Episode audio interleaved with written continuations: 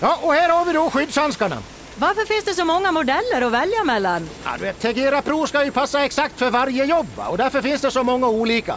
Och glöm inte att rätt skyddshandske gör halva jobbet. Okej, då tar jag två. Tegera Pro, skyddshandskar för yrkesproffs. Just nu får du extra hjälp att välja i butik. Det är slutspelstider. Det är också dags för ännu ett avsnitt av Sanne och Svensson. Den här gången med nummer... 25 och det förknippar vi med en hårdskjutande back i Thomas Rudin naturligtvis. Du håller till dina sportchefer där. Målvaktstema då? Bosse Al, eller Bosse Fenomenal och Jakob Markström. Eh, och sen har vi en som, eh, som har en historia i Rögle. En som, Busal har ingen historia i Rögle, men han är väldigt uppskattad av Rögle-fansen. Men Stefan Elvenäs och Johan Finström. Elvenäs har tröjan i taket och eh, Finström spelade eh, i Rögle under ett par säsonger. Mycket i Luleå också faktiskt. Eh, en, på tal om Luleå då, då Lobos Bartesko. Hur underbar var inte han som spelare? Ganska jobbig som motståndare ska jag säga. Eh, ruggigt skicklig och en spelare som med skicklighet, betoning på skill, alltså skicklighet. Mikael Micke Johansson, nummer 25 i Djurgården. Sen har vi ju en riktig legendar i sin klubb. Eh, Mattias Åkesson i Troja Ljungby. Känner du till honom? Absolut. Ja, ja men det, det krävs ju. Ska man ha hockey som eh, yrke så måste man veta vem Åkesson är. Och det måste man också veta med en annan profil i Hockeyallsvenskan. Martin Tillander. Jag vet inte hur många säsonger han gjorde i eh, Bofors, men en riktig profil. Det kan man lugnt säga. Han har, hade något klassiskt utspel på scen. När vi, när vi eh, spelar så spelar vi, när vi tränar så tränar vi, när vi krökar så krökar vi. Eller någonting sånt sa han. Eh, men en annan eh, profilstark spelare är Johannes Salmonsson i Oskarshamn. Han satte mig lite på plats i veckan. Aha, du vågade inget annat än att ta han nu va? Nej, nej men Salle är fin alltså. Jag, jag skrattade som tusan när han satte mig på plats. Du kan ju berätta vad han skrev till mig på Twitter. Du, du, du, skrev i alla fall på Twitter att eh, tänk dig eh, Palmberg då, då, som center mellan Oskar Möller och Joakim Lindström. Och Palmberg spelar ju då med Johannes Salomonsson i Oskarshamn och svaret det var ju ruggigt vasst och snabbt dessutom. Des, ja, verkligen. Han, han, skrev ju, eh, han skrev ju något i stil med eh, duger inte de eh, han spelar med nu? Eller någonting i den stilen. Och det är klart att det duger alldeles utmärkt. De levererar ju faktiskt match efter match nu, den kedjan.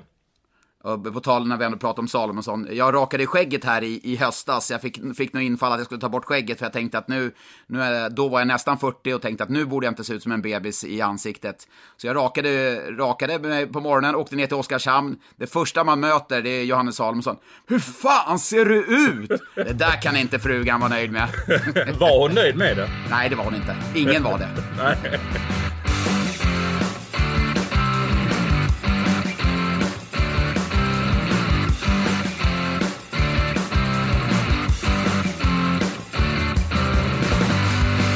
Det är slutspelstider i Hockeysverige. Ja, det är Hockeyettan pågår för fullt. Det är Hockeyallsvenska finalen och SHL är inne på eh, slutspurten.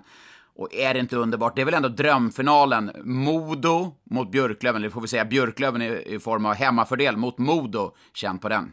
Ja, det är, det är de två bästa lagen som kommer drabbas samman. Timrå har gjort en riktigt bra spurt, men eh, ser vi över hela säsongen så är det väl ingen tvekan om att det är de två bästa lagen som, eh, som kommer att mötas här. Och de har ju haft ett par bataljer här redan under säsongen.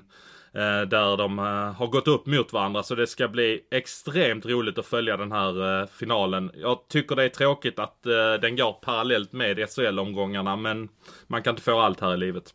Nej, så är det ju. Om jag säger nio, vad säger du då? Eh, nio? Eh, ja, ja. Nu, nu, vet jag vad du menar. Eh, nio minuter eh, tog det ja. att eh, sälja slut eh, finalerna va? Ja, I, i final 1 och 3 i Umeå tog nio minuter att sälja slut. Och då hade de haft en arena som med dubbla kapacitet, bortåt 10 000, så hade de säkert sålt slut det också. Det är ett våldsamt intresse. Eh, du som har sett, ja du följer ju Hockeyallsvenskan, du var ju nere i Kristianstad där, vi börjar i den ändan. Hur less var Jonathan Dahlén på rekordsnacket? Ja, han var aningen less, men han skrattade faktiskt mest åt det. Och jag kände lite på honom att han hade ju haft totalkoll, men han ville kanske inte skylta med det riktigt utåt. Men han hade stenkoll. Det där är ju en riktig statistiknörd, eh, Jonathan Dahlén. Jag bad honom eh, Fråga, jag frågade honom lite grann så här, hur har det gått mot lagen ni ska möta i slutspelsserien och så vidare. Och du vet, han rabblade upp varenda resultat mot de här lagen. Han visste vad de hur de hade spelat mot Västervik på hösten och sådär. Så han har ju total koll. Men eh, de, de eh, sköt sig själva lite i foten där eh, Canada och Björklöven vann i näst sista omgången. Canada, den räddningen han gör i slutet mot Timrå där i öppet mål, kastar sig och från ingenstans räddar den pucken. Alltså vilken målvakt. Ja, alltså där visar han ju den klassen han har hållit under hela säsongen, eh, Canada. Och eh, ja, men Timrå, de, eh, de släpper väl upp det lite för det stod väl 1-4 där i början av tredje Absolut. perioden. Så att eh, de, de var ju på G i kapp och det, det hade ju inte hjälpt heller eftersom Modo vann eh, i Karlskoga där i sista matchen. Men det är klart att det hade varit roligare om det var ett race, ett litet målskillnadsrace där inför slutomgången. Men vi skickar i alla fall våra varmaste grattis till Jonathan Jonsson i Modo som faktiskt slog, eller båda, eller da, Dahlén tangerade. tang- tangerade Ahlbrandt ja. Och Jonathan Jonsson då, 78 poäng landade han in 70, på. 70, 79 till och med. 79 till och med, ja du ser. Ja, grattis eh, Jonathan Jonsson. Eh, mäktig säsong. Ska vi börja lite den ändan, eh, Hockeyallsvenskan? Vi får summera grundserien lite. Ska vi ta ut varsitt dreamteam eller eh, varsin drömfemma från Hockeyallsvenskan? Ja, alltså eh, om vi börjar bakifrån så tycker jag i alla fall att det är ganska lätt att, eh, att ta ut Kanada som vi ändå var inne på här tidigare. Jag tycker att han har varit helt outstanding. Och, alltså all eloge till Per Kent att han faktiskt hittar en sån här målvakt för att jag fattar inte hur... Det var ju inte så att det var någon stats som stack ut eller att han var ett jagat byte eller någonting i den här stilen utan han, han bara träffar fullständigt rätt så han måste ju ha helt sjuka referenser på honom innan han kom hit. Ja, men jag eh, skriver under på den. Eh, solklar eh, eh målvaktsetta i Hockeyallsvenskan. Och oavsett vilket lag, eller vi får väl säga så här, om eh, Björklöven får kvala mot SHL-lag. det är ju inte klart, vi tar ju det lite för givet, men om de får göra det, så oavsett om det är Leksand eller Oskarshamn, så har man den bästa målvakten. Ja, ja, lätt. Lätt att man har det. Alltså jag, eh, om, jag, man, vi vet ju inte riktigt vem som kommer stå i Oskarshamn. För jag utgår ju nästan faktiskt från att det är de som kommer sist nu. Även om jag tippade annorlunda från 7-8 matcher sen. Eh, de är väl fyra poäng efter Leksand nu och det är två omgångar kvar att spela. Så det kommer ju bli dem. Och jag tycker det är lite struligt där på målvaktssidan. Vem ska stå egentligen? Ja, nej men nu, eh, det lär vi få anledning att återkomma till. Vi, vi flyttar över till backarna i vårt dreamteam. Jag börjar där, du börjar med Canada. Jag har Cooper i eh, Björklöven och Adam Wilsby i Södertälje. Den där Wilsby har jag gått och, och, och klämt och känt lite på, inte, inte ordagrant alltså, men eh, jag, har, ja, jag har funderat på den. Och jag landar in eh, Adam Wilsby, jag tycker han har varit så inåt helvete bra rent ut sagt i Södertälje. Ja, eh, och nu blir det ju sjukt tråkigt eftersom jag hade tagit ut exakt samma två spelare. Jag, jag ska erkänna att jag faktiskt röstade på Norlinder i guldgallret för att jag tycker inte att eh, en guldgallervinnare ska vara en inlånad spelare. Så det blev lite principsak där för mig att jag Men det röstade. är ju, men det, du ska väl rösta, det står väl inte i kriterierna? Nej, det gör det väl kanske inte. Men jag Rösta röstade... på den bästa junioren står det. Ja, men Norlinder, de är väl ganska jämbördiga. Så jag röstade på Norlinder som nummer ett och uh, Wilsby som nummer två. Men eh, jag, jag håller faktiskt med dig. Jag tycker eh, den här Brian Cooper, alltså han har varit så brutalt bra utan att glänsa på något sätt. Utan han har bara varit sjukt stabil. Ja, han kan ju stänga ner eh, vilket eh, kedja som helst. Eh, och det får vi, när vi fokuserar lite mer på Hockey-svenska finalen så lär vi få anledning att återkomma till eh, Cooper där. Men kedjan, det kommer ju bli lika tråkigt som eh, backparet. Eh, Ska jag, ska jag säga det då så ska vi se om du eh, har samma då. ja, har vi inte samma namn så är det ju hål i huvudet på någon av oss. Ja, det, det kommer vara hål i huvudet på- på dig om inte du tycker samma som jag. Ja, det är hål i huvudet på dig om inte du tycker samma som mig kan jag säga.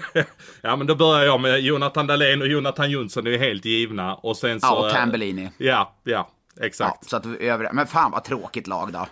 Tog vi ut exakt samma lag alltså? Exakt samma. Eller tråkigt, det är ju, det är ju, men det är ju det är ett jäkligt bra lag. Det var på backsidan jag hade lite, jag hade Tom Hedberg, funderade jag på lite, eh, och Norlinder. Men jag landar på det. Coach då? Eh, ta ut en coach. Helt... Ja, jag, jag har landat i Björn Hellkvist. Björn Hell, ja men för att, Nej, men Björn, eh, han har ändå, det är ju ändå Björn som har styrt upp Modo här under, eh, under de här två säsongerna. De kom, eh, de var rätt djupt nere i det och sen så blev de lite bättre förra säsongen. De har hittat någon form av identitet, satsat mer på svenska unga spelare. hittat ett bättre sätt att träna. Så Björn har ju under lång tid jobbat med Modo för att ta dem dit de är idag. Ja, eh, jag säger inte att du har fel, men de två lataste tränarna i Hockeysverige, vet du vilka jag tänker på? Eh, nej, det har jag inte en aning om. Frå fråga Peter Hermansson vilka som är de lataste tränarna i Hockeysverige. Ja, är det Harald eller? Nej, det kanske han är. Men eh, Mikael Johansson då, med nummer 25, och Mattias Kalin i Västervik. Vilket, alltså att Västervik landar in på en topp 8-placering. Det, alltså det är det är fan vad imponerande alltså. Och då sålde de alltså tre stycken nordamerikaner mm. plus att Viktor Öhman var eh, skadad här under slutdelen av säsongen. Och ändå löser de en topp 8-plats genom att vinna en måste-match borta mot Mora i näst sista omgången. Som faktiskt är Karlin och Micke Johanssons eh, gamla klubb. där, eh, där de satte faktiskt Mora utanför slutspelsserien. Så att eh, jag håller med om att det är grymt imponerande.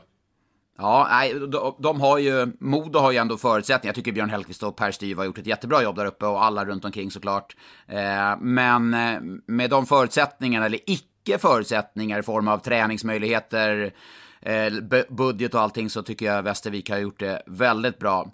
Och där är en flopp också. Om jag börjar i floppänden så är steget inte långt till flopp från Västervik till Mora. Jo, geografiskt är det det, men Eh, eftersom eh, Johansson och Kalin fick sparken från just Mora så måste jag säga att Mora är ju st ja, den största floppen. Jag kanske skulle gå så sträcka mig så långt att det är Hockeysveriges största flopp den här säsongen.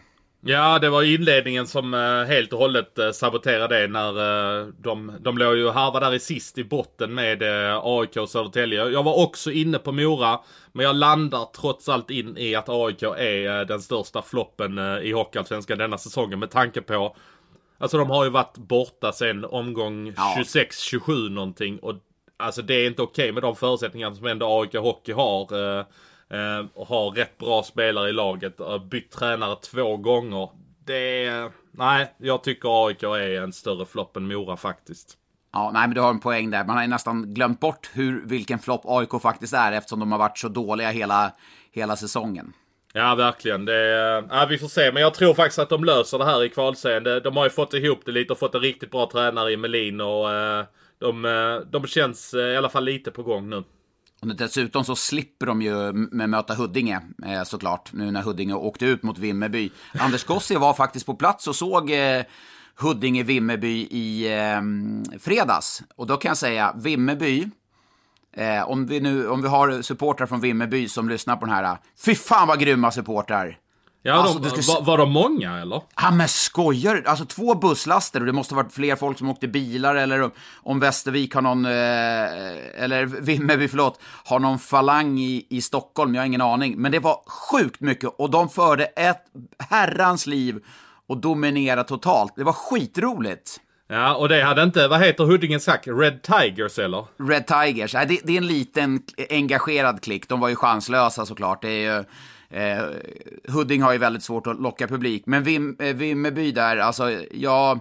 en del av mig håller verkligen tummarna för Vimmerby. Och Horsky, eh, tränaren där som fick sparken från Karlskrona, har aldrig pratat med honom, eh, aldrig hälsat på honom. Jag känner honom såklart inte för fem öre, men jag måste beundra jobbet han har gjort. Och nu, nu det vore kul om Vimmerby busade till det lite och gick till kvalserien.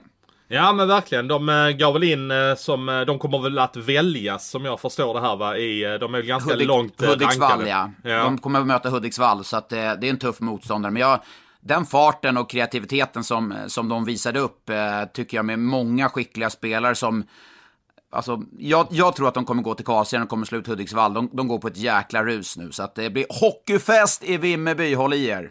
Eh, men eh, det är AIK och Kristianstad som jag såg då i fredag som kommer att spela den här kvalserien upp till Hockeyallsvenskan. Och eh, första klara laget från ettan är ju Väsby som vann den, eh, vann Hockeyettan-finalen. Och lite extra krydda blir det ju faktiskt åt att eh, Edvin Olofsson som är eh, målvakt i Väsby har jag hört är klar för AIK till nästa säsong. Så att eh, det blir ju ett väldigt intressant möte om han ska gå för att slå ut AIK. Oj, ja, det ger ju extra krydda för alla som gillar eh, kvalserien, kvalseriefantaster. De borde ju vallfärda till eh, Väsby eller Hovet och, och se, eller Kristianstad och se de här matcherna. Ja, låt oss fokusera lite mer på eh, drömfinalen får vi väl ändå beteckna det som. Eller det kalla kriget som Englund på Hockeysverige skrev. Det, får, det var en bra beteckning på, på, på Björklöven mot Modo. Tre nycklar, ska vi lyfta fram det?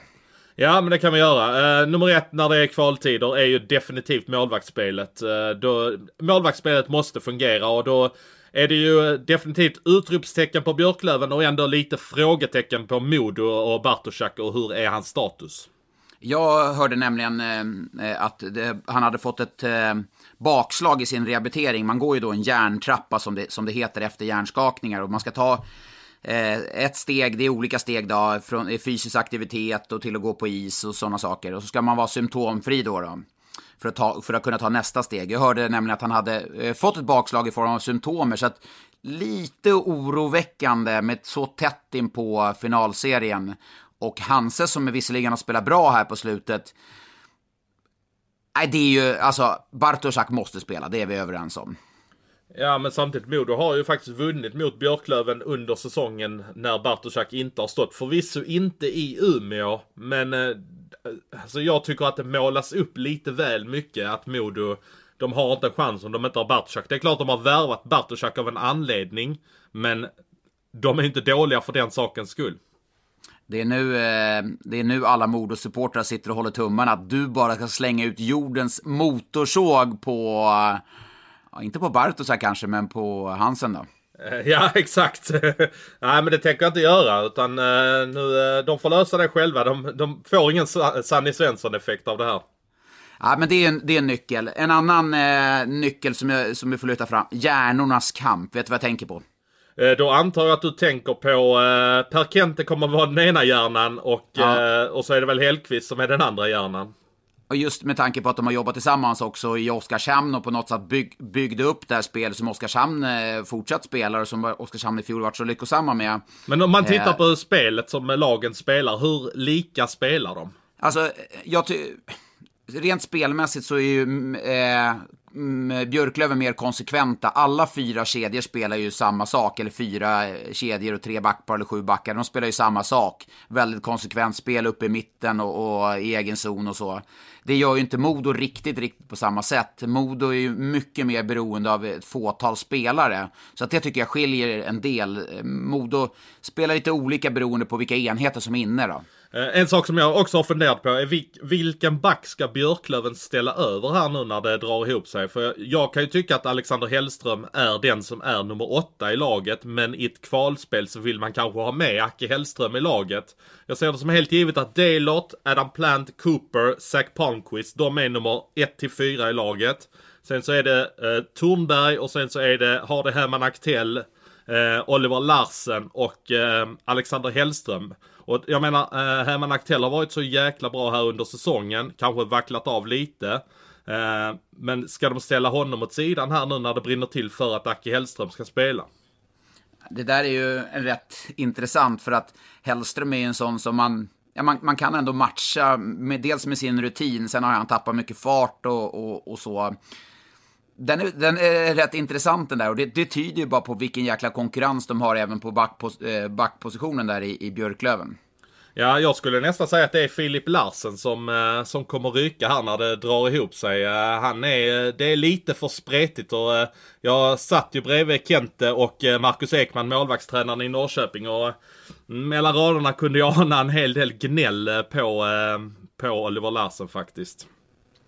Ja, en tredje nyckel då och lyfta fram. Då måste jag lägga fullt fokus på Modos första kedja. Eh, ska Björklöven vinna den här så måste man ju stänga igen den matchserien. Om jag då ser att det är en nyckel så måste man då matcha ett Ja, framförallt ett backpar skulle jag vilja säga mot den här kedjan. Man har ju eh, tre matcher då, match 1, eh, match 3 och eventuellt match 5 eh, hemmaplansfördel, eh, vilket gör att man kan byta sist. Eh, ska man då spela Cooper och Dalert eller ska man spela Cooper och Zach Palmqvist just för att stänga, stänga ner första kedjan? Ja, det är ju faktiskt en väldigt bra fråga för det är ju verkligen en nyckel för Björklöven. Om de lyckas ta död på Modus första kedja så Då har de, ju, de. Ja, ja, det gör de ju alla dagar i veckan. Eh, men det är, det är inte helt enkelt att göra då. Eh, när de får spela lite i powerplay så kanske det inte spelar någon roll vem de sätter in. Så att de ska ju försöka hålla sig på isen också. Men tror du Björklöven är så pass kaxiga och självsäkra att man kanske inte matchar mot, eh, mot den kedjan? Eller så det måste man ju trots allt göra. Det är ju ändå seriens bästa kedja, särklass ska jag säga, bästa kedja. Ja, ja, nej men det, det måste de ju säkert göra. De måste ju, de måste ju hålla koll på dem. Men det är klart att Modo har ju ändå mer hot där bakom. Alltså jag menar Kim Rosdahl och eh, och eh, Olofsson har ju varit ett radarpar hela säsongen så att eh, där finns ju mer hot i Modo än bara den kedjan. Men lyckas de stänga den så ja. Så jag tror att de kommer gå rätt hårt för att eh, ta död på den kedjan. Då får du tippa. Eh, jag ska tippa, okej. Okay. Jag tror att eh, Björklöven vinner. Eh, och för bara rent egoistiskt så hoppas jag att det blir till fem matcher såklart. Ja. Tre till matcher till Björklöven säger jag. Björklöven är det bättre, jämnare, bredare, inte spetsigare, men bredare laget. Och framförallt målvaktssidan vippar över till Modo. Men om vi släpper den här allsvenska finalen så kommer vi i alla fall konstatera att förloraren i den här allsvenska finalen, vilket vi då tror blir Modo, kommer att möta vinnaren i slutspelsserien där eh, Timrå, Västerås, BIK Karlskoga, Vita Hästen, Södertälje och Västervik är med. Och eh, där går man in eh, med en intressant detalj i det här sammanhanget. Vi är ju ganska överens om att Timrå kommer vara storfavorit att vinna den här serien. Men lag 3 som har kommit in från Hockeyallsvenskan har aldrig vunnit slutspelsserien. Så att eh, de måste bryta en trend där, Timrå. Ja, hade du frågat mig eh, innan fredagens omgång så hade jag sagt att Södertälje skulle ta den här platsen. Men med tanke på att alla resultat gick emot Södertälje i sista omgången så ramlar, ramlar man ner någon position. Eh, då tror jag det blir tufft. Det ska bli intressant att se Karlskoga som egentligen inte haft någonting att spela för hela eller halva, eller andra halvan av säsongen. Där man har liksom varit för långt bakom en eh, topp 2-plats och ändå ett betrygg, eller topp 3-plats och betryggande avstånd ner till eh, Vita Hästen, Södertälje och Västerås. Så att jag höjer ändå ett varningens finger för eh, Karlskoga där. Och de möter ju Timrå direkt i omgång ett och kan de ställa till lite jävelskap för eh, Timrå där direkt i starten och sen har de Västerås hemma på det så kan de få en riktigt flygande start eller så är de bara väck efter eh, första omgången. Västervik då? Vi håller väl, man måste väl ändå hålla en liten halvtumme för Västervik, den här lilla fula ankungen. Ja men det är klart vi håller en tumme för Västervik men de kommer inte ha en chans. då hjälper det ändå inte. Ja, det är hockeyallsvensk final, men det är ju upplopp deluxe skulle jag vilja säga i eh, SHL. Det är ju enkelt, lite tråkigt på sätt och vis att det är bara kampen kring topp 6 som, som lever. Det hade varit väldigt spännande med ett eh, liksom, rafflande avslutning, vilka som skulle få kvala, men det vet vi. Eh, Leksand och Oskarshamn eh, kommer få kvala, men runt topp 6 är det ju onekligen väldigt spännande just nu. Ja, men eh, man skulle nästan kunna säga att eh, nästan topp 6 är väl nästan död också. Jag menar Frölunda har ganska långt upp eh, för att lösa det. Men det är inte klart för att de möter faktiskt Djurgården i sista omgången. Och eh, skulle Frölunda vinna nere i Malmö här på tisdag och eh, sedan eh, slå Djurgården hemma så skulle de kunna ha en rätt bra chans. För Djurgården har ett rätt tufft schema också. Ja, Djurgården möter ju Rögle på tisdag. Jag ska faktiskt dit på tisdag och det blir ju, det blir ju direkt avgörande. Eh, men hur, hur, Malmö, det känns som att Malmö och Frölunda har ändå under några år här byggt upp en rätt härlig rivalitet. Jag tänker just Peter Andersson, eh, Roger Rönnberg. Eh, Frölundas öde vilar ju lite i Malmös händer. Hur taggade kommer Malmö vara på den fighten? Ja, jag tror säkert de kommer vara eh, ruggigt taggade för att eh, de eh, går ju ändå för att få en hemmafördel i den här åttondelsfinalen. De är ju helt klara att vara nia i serien som absolut lägst. Så att det är ju sju eller åtta de kan tävla om att vara och det är, jag tror Peter Andersson skulle, om man tittar utanför att han skulle jävlas med Frölunda så tror jag inte han vill avsluta med att ha sin sämsta placering under sin tid i Malmö heller.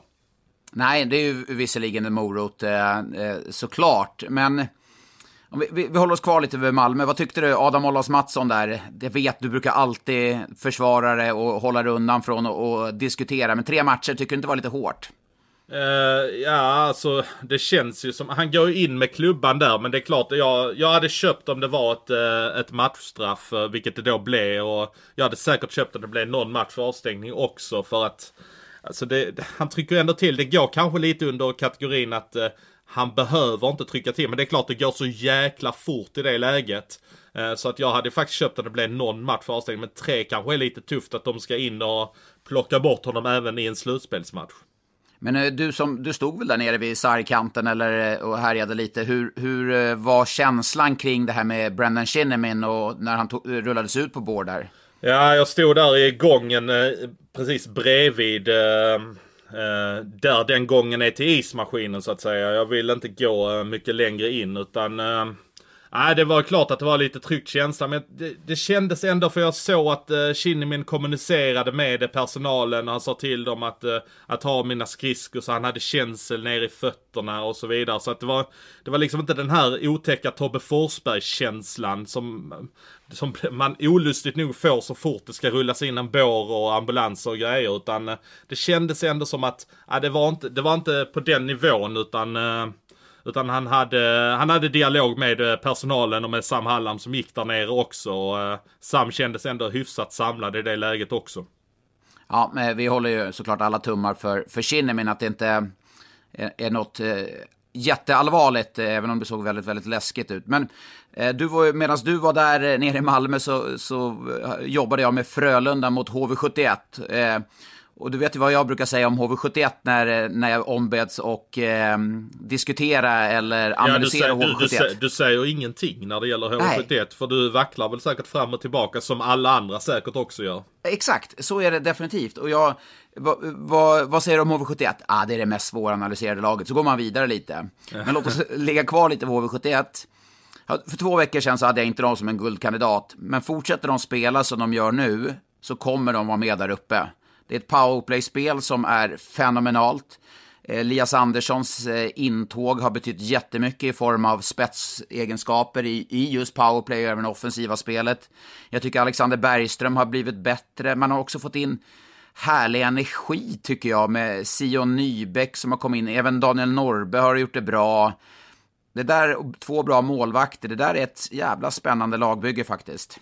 Ja, det kan man lugnt säga. När HV är i medgång och, eh, så är de jäkligt bra. Men när de är dåliga så är de riktigt dåliga. Och ska de hålla ut i en och en halv månad med en toppform Nja, jag är väl lite skeptisk till det där. Jag tippar ju faktiskt om att de skulle gå vidare till semifinal i förra veckan och kommer de in i det här eh, flowet som de hade 2017 så, eh, så kan de ju faktiskt bli riktigt otäcka. Men att de ska ha det över så lång tid, det har de inte alls visat under säsongen. Utan de har ju haft helt sjuka toppar, men de har också haft galna dippar. Så därför så tror jag inte riktigt att de kan lösa det över en och en halv månad.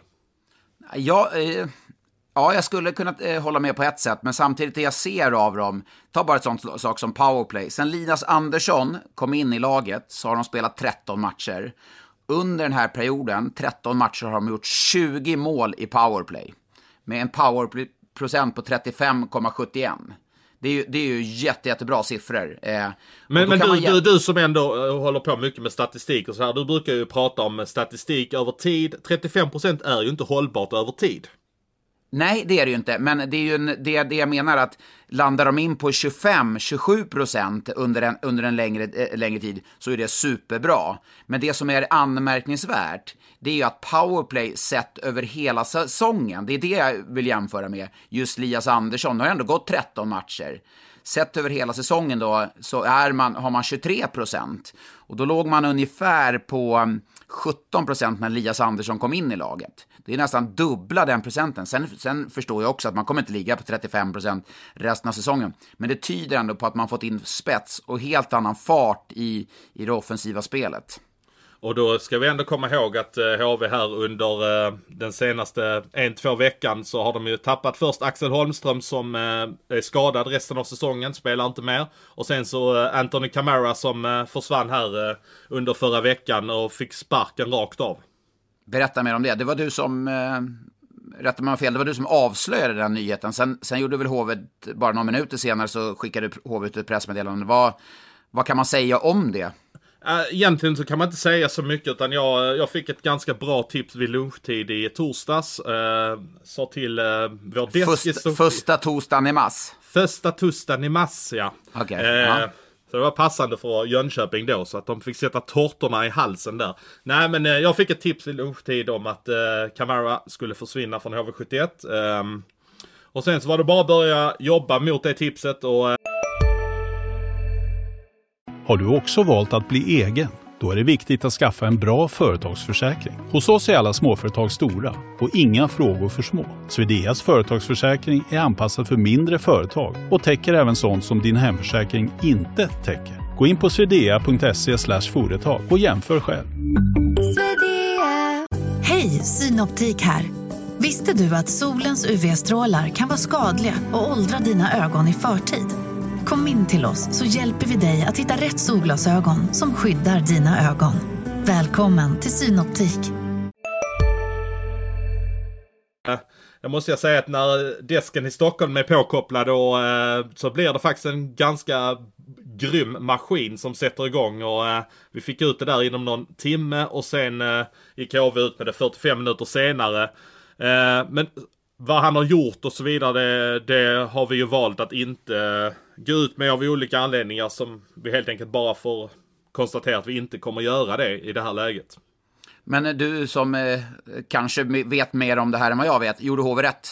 Ja, absolut. Alla dagar i veckan. Eh, det, var, eh, det var ett enkelt beslut skulle jag säga eh, för HV71 att ta det här beslutet. Så att det ska inte falla någon skugga alls över HV71 och jag jag har grävt lite grann i det efter att det kom ut också att om de visste om eh, det som har hänt eh, efter att eh, de förlängde, eller i samband med att de förlängde kontraktet här i februari och jag vet att de inte visste någonting om det då så att eh, det var inte det att HV71 visste om det när de förlängde och sen kom på att nej, kanske vi måste skicka honom. Utan det här var någonting som kom på HVs bord och de agerade blixtsnabbt som jag har förstått det. Eh, och eh, viktigt då och att man går och vinner eh, två matcher direkt efter då, efter han fick sparken. Man vinner mot Oskarshamn och man vinner mot Frölunda. Och vet du vad vi kan konstatera då? Nej.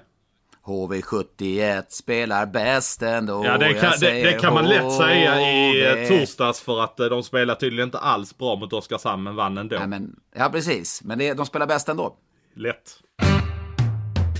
Ja, men du som gjorde Frölunda då. Eh, vad, vad hade du för funderingar kring dem när du såg att de förlorade på hemmaplan efter eh, straffläggning mot HV och ehm, ja, de eh, ligger ganska pyrt till nu får man ändå säga. Eh, det känslan jag fick när jag eh, gjorde den matchen var att det är mycket som är bättre. Det är fler saker jag känner igen i Frölundas spel. Eh, prestationsmässigt mycket bättre spel bakifrån, bakifrån från backarna. Mer fart, mer eh, intensitet, mer kreativa spelare. Sen är det såklart man är skör med självförtroendet. Man, man blir lite naiv i vissa situationer. Man gick bort sig några gånger i första perioden. HV hade riktigt farliga kontringslägen. Men jag tycker den prestationen som man, man gör, sett över 65 minuter där mot, eh, mot HV i lördags, det är... Eh, ja, det, det lovar gott faktiskt. Och jag jag förstår att man kan alltså landa in på en sjunde plats. Då ska man veta att Roger Rönnberg har varit sämst trea sen han tog över eh, för Frölunda 2013. Sämst trea 2013. Och ett lag eh, som vinner SM-guld på hela 2000-talet eh, måste man ju vara eh, femma. Jag tror femman har vunnit en gång, sen har det handlat om trean, fyran och framförallt har det handlat om ettan och tvåan som har vunnit SM-guld. Så att, men någon gång ska ju den trenden också brytas ju. Så är det något lag som har kapaciteten att göra det så är det ju ändå Frölunda som ändå får tillbaka Theodor Lennström. Kanske då lagom till en åttondelsfinal som jag någonstans ändå räknar med att Frölunda kommer behöva spela. Ja, jag tror att man landar in där. Och det fick jag en ganska intressant fråga från Sebastian Edversson som, som undrar, vill man sluta tvåa då för att man i praktiken skulle kunna få, eller vill, om man slutar tvåa i SHL så skulle man i praktiken kunna få Frölunda i en kvartsfinal. Och det skulle jag säga, det är väl nästan ett mardrömsscenario. Tänk dig för vilket lag som helst. Ja, men det kunde man ju kanske fundera på att det skulle vara ett mardrömsscenario att möta Växjö också som landade in på, eh, på play-in förra året. Eh, som, de kom väl som eh, mästare förra säsongen. Ja, men det var, en helt annan, det var ett helt annat lagbygge. Det ja, ja, ja, ja, ja det, var det, det var det ju. Men någonstans var det ändå mästarna man, eh, man skulle ställas mot. Det, jag håller med om att det inte är på samma nivå, men uh, Luleå uh, klippte ut dem rätt så enkelt där. Ja, nej, det blir tufft. Alltså när man får eh, åttondel, man får inte den här lilla rehabiliteringen, vilan, återhämta sig, så det, det kommer såklart bli tufft. Men jag räknar inte bort eh, Frölunda på topp 6 ännu med tanke på att just Djurgården har det här schemat. Om vi då landar in lite på Djurgården, där är jag rätt konfunderad över det laget faktiskt. För att jag tycker att de har ett skickligt lag, men det är alldeles för låg fart i sina aktioner i spelet. Det är faktiskt rätt segt. Och det, det, är inte något spel som jag tror Djurgården vill spela i grunden. Nej, och, eh, men hur, hur ska de få ordning på det där då? Det är två omgångar kvar. Nej, men det, får, det, det, är ett annat lagbygge. Bara tänk namnen som de har, som de har lämnade från fjolåret. Eh, Marcus Davidsson, Jonathan Davidsson, det står för fart. Fjällby eh, står för fart. Eh, Emil Bemström, Lilja, alla de här spelarna står ju för fart. Eh, vad har man då plockat in? Tom Vandell, det är väl lite mer skicklighet i grunden. Anton Hedman, lite mer tuffhet. Patrik Berglund, lite mera ja, men rutin ska ju vara spets. Men det är i grunden ganska så här tröga spelare, vilket gjort att man behövt förändra spelet ganska mycket. Och när jag såg dem mot Färjestad i lördags eh, så har man inte farten i spelet. Jag såg också Linköping i tisdags, även om det, det var en okej okay match så har man inte farten i, i spelvändningarna, i pressspelet, man får inte de här långa jobbiga anfallen. Så att Djurgården, jag tror fan de får svårt att gå förbi, förbi en, en kvartsfinal i år. Ja, det var ju de som uh, skulle kunna ta guld enligt dig Ja, men ja, och då, det var jag under en räcka med matcher. Och nu, nu sitter jag och säger det här när man ändå är inne i en period då man har 15 raka hemmasegrar. Ehm, så det är klart att hemma är man starka, men jag tycker inte att under alla de här 15 matcherna man inte spelat speciellt bra heller. Jag var faktiskt och träffade Robert Olsson, det är därför jag känner att jag har ganska mycket kött på benen. Jag var och träffade Robert Olsson i fredags för att göra ett reportage för Simor med Djurgårdens spel. Och då har jag sett och kollat oändligt mycket klipp den här veckan från Djurgårdens spel. Hur har man spelat mot vissa lag och så. Och jag tycker inte att man spelar så bra eh, så att man ska faktiskt ens landa in på en topp 6-placering. Och då eh, kommer Djurgården ställas inför det faktum att oavsett om de skulle gå vidare från en åttondelsfinal eh, eller om de skulle bli sexa eller femma eller vad de nu blir så kommer de ju inte få hemmafördelen i kvarten. Och eh, jag antar att du baserar det lite grann också på att, de, att du får svårt att se dem gå förbi en kvartsfinal. Ja, eh, nej men jag, jag, är faktiskt lite, eh, faktiskt skulle jag sträcka mig så långt, lite besviken på, på Djurgården att de inte är bättre. Jag tycker att man har ett rätt bra lag, men jag tror det är just den här farten som man i, man i grunden vill spela med den här farten, men man, man saknar den typen av, av, spelare. Det är egentligen bara, om du kollar i Djurgårdens laguppställning, vilka är det som har fart? Det är Manuel Ågren, det är Haga, eh, Josefsson har ju inte den farten, han har ju en helt annan skicklighet, han är jättebra, men det är ju få spelare som har den där farten, farten som, som, var, som var så jäkla bra i fjol.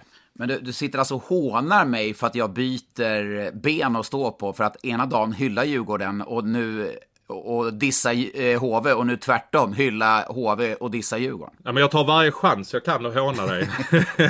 ja. ja. men du, på tal om HV. Jag såg att det var en, eh, en junior som, eh, som var inne och spelade hos dem. Eller han spelar kanske inte. Jag tror han bara var ombytt. En, en skåning faktiskt som jag, Karl Paulsson heter. Han har vräkt in poäng i Superlit.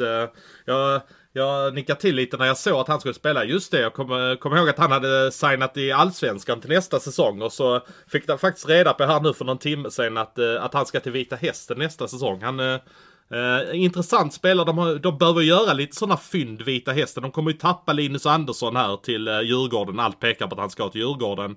Eh, och då kommer man ju behöva göra lite sådana här fynd som, eh, som Linus Andersson då var. Han har gjort 60 poäng på 41 matcher. Så att det kan vara lite spännande nyförvärv som Hästen har gjort där. Men hästen känns ju som, alltså, fått en bra plattform med Tony Sabel där och Czernecki och kunna ta de här typerna av spelare. Men har du någon procent på Anderssons kontrakt i Djurgården eller? Ja, det, det, det utgår jag från att jag, jag kommer få någon form av procent där alltså. Och nu ska du redan bygga upp Paulsson då, i, redan nu? Ja, jag vet inte vem han har som agent, men eh, den agenten är varmt välkommen att kontakta mig så att vi kan göra upp. Ett lag som vi pratade rätt mycket om förra veckan är faktiskt Brynäs och eh, då stod det klart här i veckan som gick att, eh, att de eh, kommer att spela klart säsongen för andra säsongen i följd efter att grundserien är klar. Och du var ju rätt kritisk eh, när du skrev om eh, Brynäs här i veckan när, eh, när det då stod klart att de hade förlorat mot Växjö hemma och sedan Rögle borta. Hur tänkte du? Klicken måste in, klicken måste in Svensson. Så är det ju, så är det ju. Men du hade ju ändå rätt så sunda tankar även om det klicken ska in. Ja, men jag tycker man, man har saknat den här nyfikenheten, den här eh, att få in inspiration utifrån. Hur, vad är det som utvecklar svensk hockey? Vilka ligger i framkant? Hur tänker de? Nyfikenheten kring underliggande statistik och som jag var inne på. Det är ett lagbygge som måste sprängas nu när nya tränaren kommer in. Ja men det kommer det göras också. Eh, jag hör ju lite grejer här på målvaktssidan. Eh, de, vi var ju inne på här förra veckan att de kommer ju inte förlänga några kontrakt så länge tränaren inte är på plats. Och, eh, målvaktssidan kommer att förändras. Eh, Jocke Eriksson hör jag till exempel att han är klar för eh, tyska klubben Schwenninger Wild Wings. Jag hoppas att jag uttalade det där rätt nu. Jag, min tyska är ju sådär.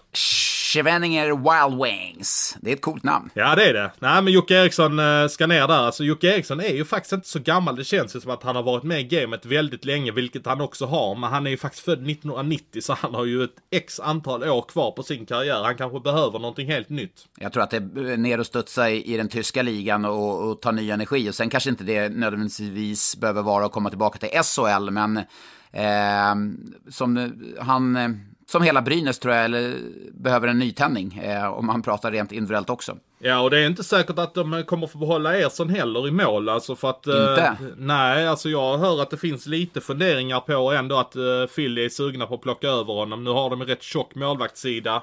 Men... Eh, jag menar, det, de kanske inte är helt nöjda med det som har hänt i Brynäs. Eh, nu har han fått stå flest matcher den här säsongen och Brynäs kommer säkert eh, ha honom som eh, uttalad etta från start nästa säsong. Men eh, jag tror säkert att det finns funderingar både hos Ersson och eh, hos Philadelphia att plocka över honom. Ja, det, det förstår jag ju. Alltså det är en jätte, jättespännande spelare. Men hade jag varit agent åt Ersson eller hade jag varit general manager i Philadelphia så hade jag låtit honom stanna i Brynäs. För att där vet man att han kommer få spela nästan en garanterad roll som första, för jag, första mål. För jag tyckte Ersson utvecklades faktiskt i en positiv riktning i, i Brynäs den här säsongen. Så att där eh, tror jag det skulle vara föredra att få spela 35-40 matcher i Brynäs nästa år.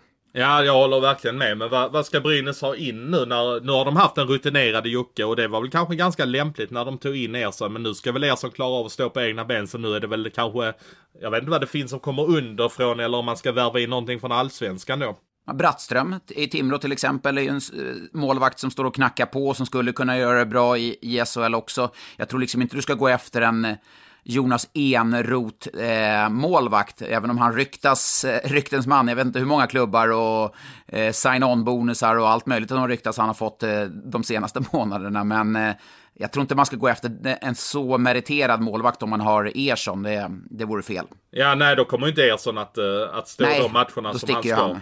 Alltså, jag, kan, jag, jag, kan köpa din tanke där att, uh, att man kanske ska ha en sån som Brattström och sen så vet man att Ersson sticker efter ett år och sen uh, kanske Brattström eller någon i den stilen är redo om ett år så får man ju en Alltså det lappar över varandra på ett väldigt bra sätt. Och skulle det gå åt helvete vid målvaktssidan eh, så finns marknaden på målvaktssidan brukar inte vara helt död. Det är lättare att hitta målvakt än en center till exempel. Så att det sku, alltså, skulle det gå helt åt helvete så finns det ju ändå Eh, Eh, alltså, spelare, målvakter på marknaden som, som skulle kunna gå in och göra en bra, fylla en bra roll. Och sen när det gäller Brynäs så får vi ju otroligt mycket frågor. Blir det Peter Andersson som kommer stå i båset? Ja, det, vi vet fortfarande inte så här en vecka senare. Vi, vi, vi sa ju här i förra veckan att vi visste att, eh, att Peter hade fått ett förslag från eh, Brynäs och jag har fått fler källor som har sagt det här i veckan så att jag vet inte om Peter har tackat ja till det. det. Alltså han har väl en ambition att åka ner till Europa också. Så att, eh, men det, jobben där haglar ju inte. Drömläge ska jag säga,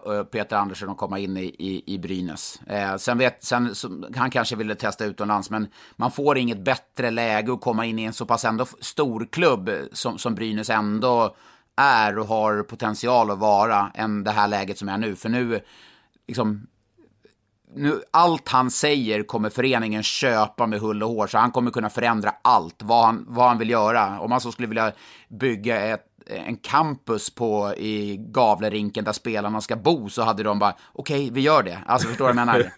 ja, ja, absolut. Så att, eh, nej, men det är klart att det är ett bra läge för Peter och, och över tid och, och kunna göra någonting. Och hans, eh, hans sambo är från Arboga, de utgår väl lite grann där på sommaren, så de kommer lite närmare hem också, så att säga. Nej, men jag tycker vi, eh, vi går över till lite frågor. Det har kommit in frågor. Jag får frågor till höger och vänster och jag uppskattar verkligen att, att folk är engagerade. Det är bara det att det är så himla svårt att hålla reda på det när det kommer frågor. Det kommer till och med frågor på min Instagram mailkorg och eh, Twitter mailkorg och Facebook och överallt. Men ja, jag har försökt eh, samla ihop det. Vi ser gärna att ni tar frågorna när vi skickar ut det på Twitter eller att ni mailar Sanny Svensson Expressen Sportbladet.se.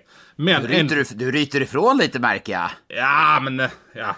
nej, det är kul att engagerad. Nej, det gör, nej, det, det gör jag inte. Men uh, en fråga som har kommit då. Eftersom jag tror att den är mycket till dig då. Eh, eftersom spelet går så snabbt i dagens hockey skulle det med dagens teknik i SHL gå att ha en dummare på läktaren som har direktkontakt med domarna på isen som meddelar direkt om han ser en oschysthet. Eh, det vill säga att han skulle kunna höja handen direkt och säga att nummer sju har, eh, har en hooking som ni har missat och så, ja, och så tar då domarna på isen det. Skulle det vara genomförbart? Det blir lite VAR-inspirerat. Ja. Och jag har faktiskt hört att man har testat det här i SHL tidigare, i ett slutspel 2017. Mm -hmm. att, det skulle, att det skulle sitta en domare på läktaren och ha kommunikation. Men att det inte alls landade väl. Jag, det är obekräftade uppgifter ska jag säga, men jag, vet, eller, jag har hört att man har testat de här grejerna.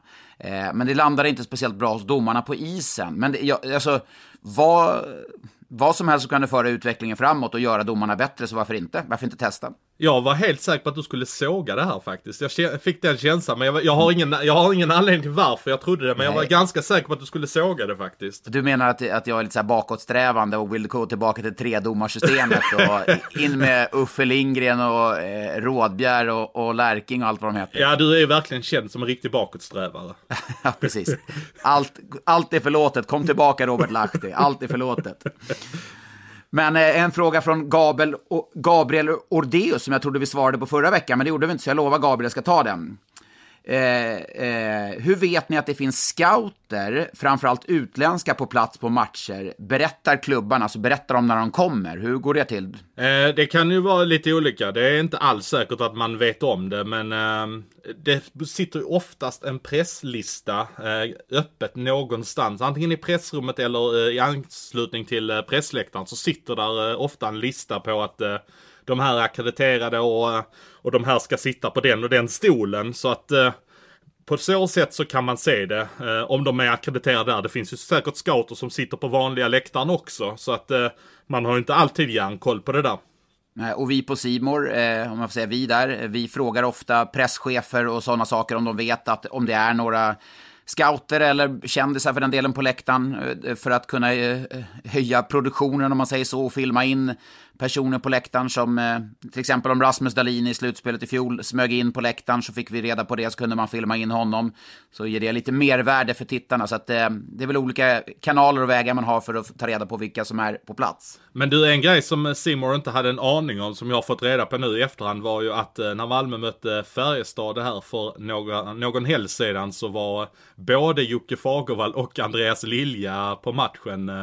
Så att de, de, de verkar ju inte dölja det riktigt, Malmö Redhawks där, att det är de som ska in i båset nästa säsong. Så att inte de är i så här Pers, eh, Percys bastu där eller någonting då? Ja, det, det finns faktiskt ingen bastu, men de satt, nog, de satt nog eh, ganska öppet på läktaren tror jag. Eller i, i en loge ute på någon balkong eller något sånt. Men vänta nu, jag har ju fått uppgifter om att, att Persy har en egen loge med en bastu i så man kan sitta och kolla på hockey. Det stämmer inte? Alltså jag vet inte, jag har ju aldrig varit inbjuden till den där bastun i alla fall. Aha, okej. Okay. Jag, jag trodde det var så allmän vedertaget och känt att... Eh, jag tror inte att, det är någon bast. Nej, alltså det finns ingen bastu som har utsikt ut mot arenan. Men det finns ju säkert hur många bastu som helst i själva arenan. Men inte med utsikt över isen. Aha, jävla besviken. ja, säger du bara för att du inte har blivit inbjuden. eh, det har kommit en fråga från Emil Nilsson under hashtaggen klubben som läcker allt. Vad säger ni om den röriga målvaktssituationen i Örebro? Ja, vad säger vi om det? Rörigt? Rörigt? ja, vad är det som händer? Ja, det, det, undrar jag också. Eftersom vi hade ju uppgifter här rätt tidigt i höstas på att Enroth skulle återvända till Sverige och Örebro. Eh, och sen så eh, började ryktas att Leksand var och drog i honom. Och eh, sen har det kommit ut uppgifter på att han skulle till Örebro.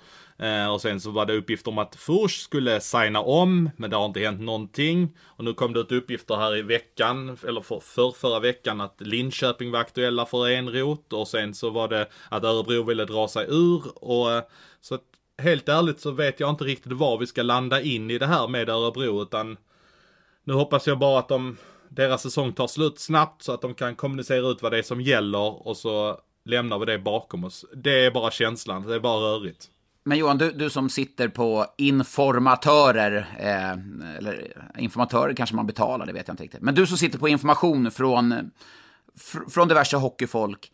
Känns det inte som att Örebro, eh, med tal på den hashtaggen som, som Nilsson hade där, klubben som läcker allt. Känns det inte som att de för en liten kommunikation i media med saker som gynnar dem? Det har läckt rätt mycket därifrån den här säsongen. Och det säger jag inte bara för, bara för att det har läckt till Aftonbladet. Jag, jag skiter i vart, vart det läcker, om det är till oss eller Aftonbladet bryr inte jag mig om. Men det känns som att det, det har kommit ut rätt mycket därifrån som, som på något sätt gynnar Örebro. Ja, man ska ju passa sig för att, för att uh, säga så egentligen. Men uh, det är klart att folk kan lägga ihop det på det sättet. Jag är inte säker på att det är så. Det skulle kunna vara så, men jag, jag, jag kan inte säga mer om det för jag, jag har inte en aning. Fegis. Ja, det tar jag. Rex eh, undrar, klarar Oskarshamn kvalet? Eh, då är det väl Oskarshamn som eventuellt för Björklöven då, om Björklöven vinner eftersom vi båda tippade, du tippade 3-2 till Björklöven, jag tippade 3-1. Så att klarar men, men, men Oskars... vänta, det, nej, men det innebär ju att de kommer möta Modo eftersom vi tippar att det blir Björklöven ju. Oh, du tänker så ja, du tänker så. Ja. Nej, men, eh, nej, men vad var din fråga? Eh, klarar Oskarshamn kvalet? Ehm, nej, jag eh, jag börjar faktiskt vackla lite. Alltså man är som kappvändare så det är helt löjligt. Alltså jag var helt säker på att de skulle klara kvalet för någon månad sen. Men 13 de har... matcher med Perra utan seger. Exakt, det är lite dit jag vill komma. Uh, ska de bara helt plötsligt vinna de fyra av de sista sju matcherna nu?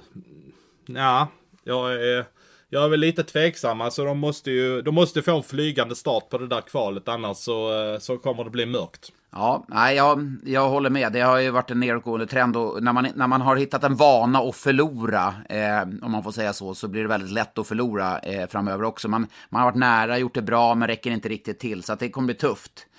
Eh, Jonas Kruse, han säger att han försöker för tredje gången och, och, och har man försökt tre gånger, då jäkla Kruse ska frågan in. Hur och framförallt vem bör Rögle ersätta Cody Curran med till nästa säsong?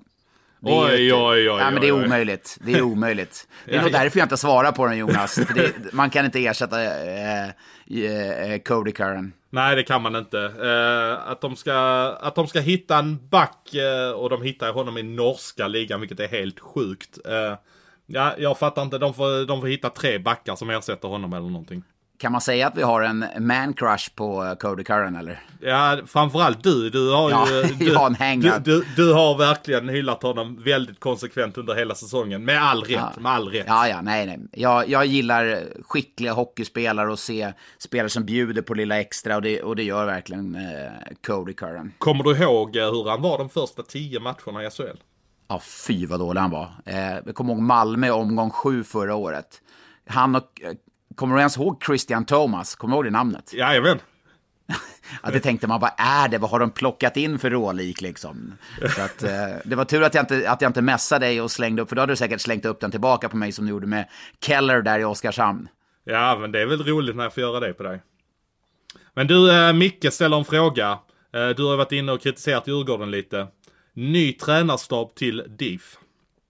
Nej, eh, Robban Olsson is the man. Eh, extremt hockeysmart person. Eh, väldigt tydlig bild hur han vill spela. Eh, eh, kanske inte har riktigt den, den farten som, som, eh, som tidigare år och får de här långa jobbiga anfallen. Men jag gillar Robban skarpt för hans hockeykunnande. Jag känner inte honom som person, men för hans hockeykunnande gillar jag honom skarpt. Så absolut inte.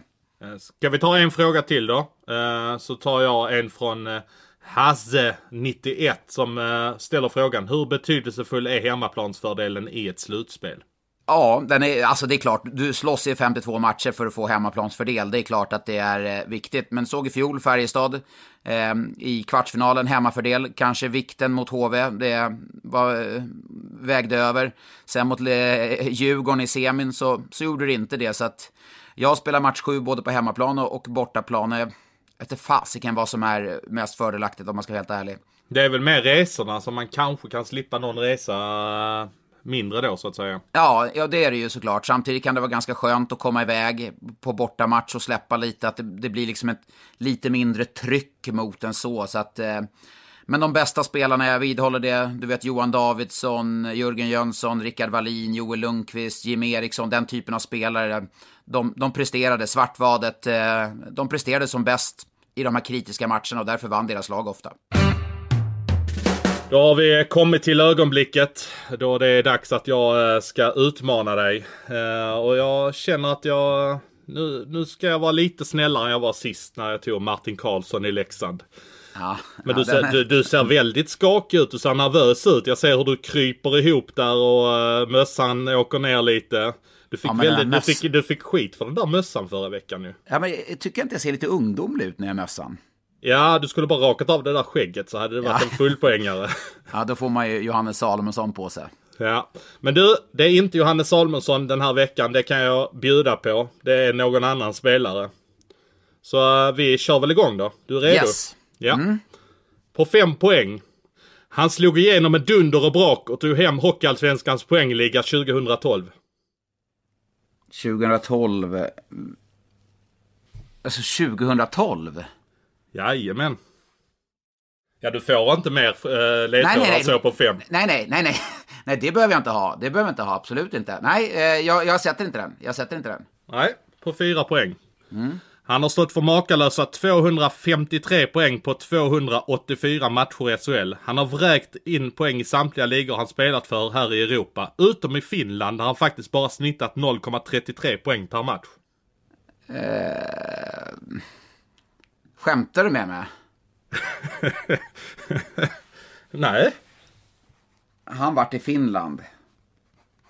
Jag kommer svara nu, för jag har inte råd. Jag måste, jag måste... Du måste ta ledningen känner du. Ja, jag, jag skriver fullt här. Och min, men han vart i Finland. Det jag, ja, poängligan. Dunder och brak, poängligan. Han, han var, jo, han, undrar om han var där. Vi har fått ett svar. Vi har fått ett svar. På eh, tre poäng. Ska vi se om du känner dig lite tryggare när jag eh, lägger trean. Och nu ser du nervös. Nu är det svettigt. Ja, jag är väldigt orolig om det var säsongen innan. Jag tror inte han, jag vet inte om han vann poängligan. Vi kör på tre poäng. Ja. Ska vi se eh, om du kan andas ut nu då. William Karlsson fick sitt genombrott med honom.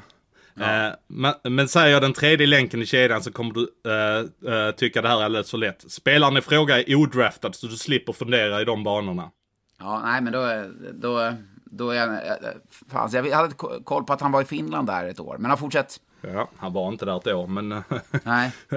Den här säsongen har han i sedvanlig ordning varit Linköpings poängkung.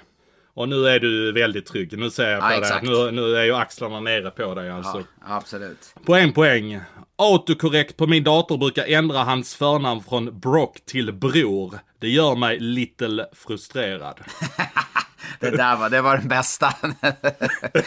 Brock Little. Ja, den var bra faktiskt. Den var bra. Det gör det på mig också. Ja. Det är extremt irriterande. Någon gång har jag skrivit ett, ett jag skriver ofta på telefonen ibland så här blogg, eller ofta gör jag det på telefonen. Och då när jag liksom läser i efterhand så står det Bror Little där.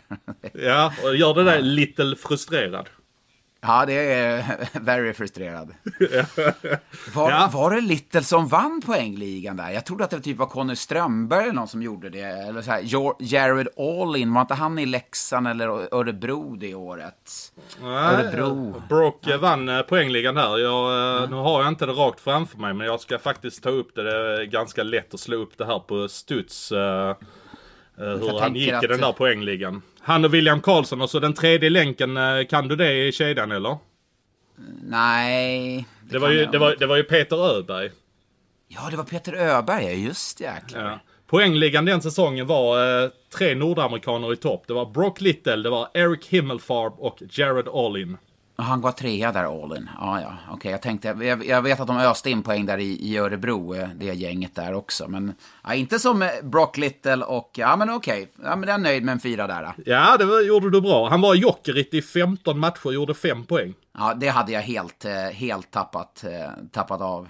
Ja, det var det som var min tanke lite grann också, att du hade tappat bort den. Ja, men en sak är säker. Brock Little tappar man inte bort, men han har eh, två matcher kvar bara på grundserien i den här rafflande avslutningen. Och hur det går, vilka som kommer till eh, åttondel och kvartsfinaler, ja, det lär vi diskutera nästa vecka när vi är tillbaka igen. Njut av helt underbar hockey den här veckan. vi kommer i alla fall, du och jag Johan, fokusera väldigt mycket på Björklöven och Modo i alla fall.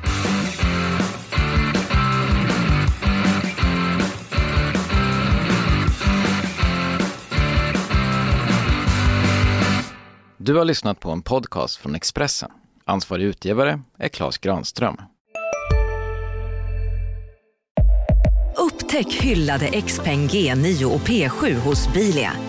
Våra produktspecialister hjälper dig att hitta rätt modell för just dig. Boka din provkörning på bilia.se xpeng redan idag. Välkommen till Bilia, din specialist på XPeng. Just nu pågår vår stora season sale med fantastiska priser på möbler och inredning. Passa på att fynda till hemmets alla rum, inne som ute, senast den 6 maj. Gör dig redo för sommar. Välkommen till Mio.